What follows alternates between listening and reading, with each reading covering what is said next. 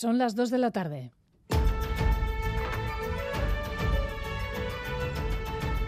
Crónica de Euskadi con Aichiber Bilbao. Arrachaldeón, Gustio y Día de Santiago festivo y con celebraciones en muchas localidades de Euskadi. Nos iremos hasta Gasteiz y también hasta Guecho. La actualidad, sin embargo, sigue transitando por las negociaciones para la conformación del gobierno en España. El portazo del Partido Nacionalista Vasco al mensaje de ayer de Alberto Núñez Feijóo al presidente de los Yeltzales entierra la posibilidad de llegar a los apoyos necesarios para su investidura, mientras en el bloque de izquierdas se anuncia ya un sí, un voto afirmativo, el de Euskal Herria Bildu, que eleva así la abstención a Sánchez en 2019, lo decía en estos micrófonos su coordinador general, Arnaldo Otegui. Nosotros no ponemos precios en público ni ponemos líneas rojas en público. Si es por Euskal Herria Bildu, no va a haber gobierno de la derecha reaccionaria en el Estado español y haremos todo lo posible para que eso sea así. Nosotros vamos a cumplir un mandato popular, nosotros vamos a hacer todo lo que está en nuestras manos para que no exista ese gobierno en Estado y creo que lo vamos a conseguir. Si haría falta votar a favor, en cualquier caso lo haríamos. Llamamiento del coordinador general de Euskal Herria Bildu también al independentismo catalán a actuar con responsabilidad. Desde el entorno de Junts, sin embargo, también del entorno del expresidente, se apunta a la amnistía. Puigdemont no es ya una anécdota, decía Laura Borràs president Puigdemont era una anècdota. Ara resulta que potser no ho és tant una anècdota. I, per tant, la resolució d'un conflicte polític voldrà dir resoldre la situació que fins ara no s'ha volgut eh, abordar.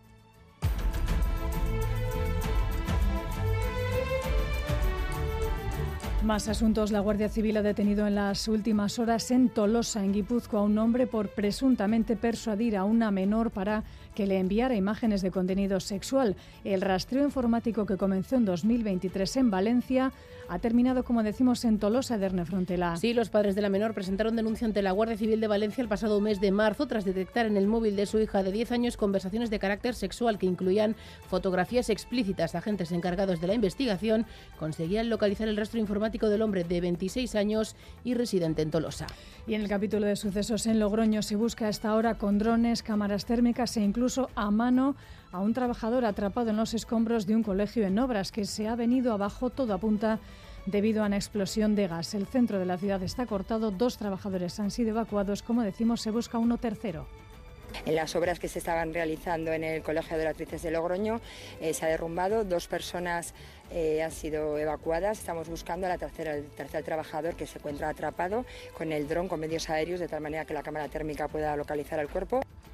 Y en el capítulo de los deportes, noticia de alcance, John Zubieta, porque Osasuna finalmente sí jugará la Conference League. El Tribunal de Arbitraje Deportivo, el TAS y la UEFA consideran apto al club para la competición.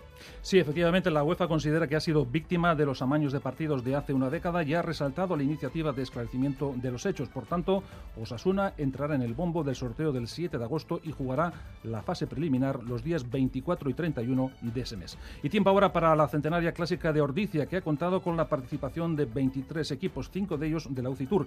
Ya tenemos ganador. Conectamos con Dani Gaña. Dani, adelante. Aquí estamos efectivamente en la zona de podium y lástima porque Oyer Lazcano con eh, Juan Ayuso se disputaban la carrera y han caído a 500 metros de la meta por las malas condiciones meteorológicas, por la lluvia en esa curva cerrada. Finalmente el vencedor ha sido el compañero de Ayuso, Mark Hirschi, segundo el norteamericano Ben Healy, la tercera posición para el alicantino Juan Ayuso, cuarto ha entrado en línea de meta Oyer Lazcano. Y la Real Sociedad, por su parte, juega a las nueve y media ante el Sporting de Portugal en Faro. Lo hace tras perder la final de la Euskal Rico Chapela ante Osasuna. El Ustondo causará baja por su lesión muscular del femoral derecho. Gracias, John Zubieta. Más deportes a partir de las dos y media de la tarde. Actualizamos ahora la información respecto al tiempo, a las, eh, las temperaturas que tenemos en este fresco día festivo. Miriam Ruiz, Arrachaldeón. Caixa Ratzaldeo no esperamos grandes cambios por la tarde. Seguiremos con un tiempo revuelto, especialmente cerca de la costa. Por el mar seguirán entrando nubes compactas que nos van a dejar chubascos intermitentes a lo largo de la tarde. Cuanto más al interior nos encontremos, ambiente más eh, tranquilo y especialmente en Álava y centro y sur de Navarra se abrirán eh, claros por la tarde. Eso sí, con temperaturas relativamente frescas, aunque el viento del norte amainará algo según avance el día, las máximas se van a quedar claramente por debajo de los 25 grados. En las carreteras, el Departamento de Seguridad pide hasta ahora precaución en la 8 en Usurbil, donde se están registrando retenciones en sentido Irún a consecuencia de una colisión entre varios vehículos. Se ha procedido a cerrar el peaje de Orio para evitar una mayor densidad de tráfico en este tramo. En el control de esta crónica de Euskadi, control técnico, José Ignacio Revuelta y Paula Asensio. Las 2 y 5 minutos comenzamos. Crónica de Euskadi con Aichiber Bilbao.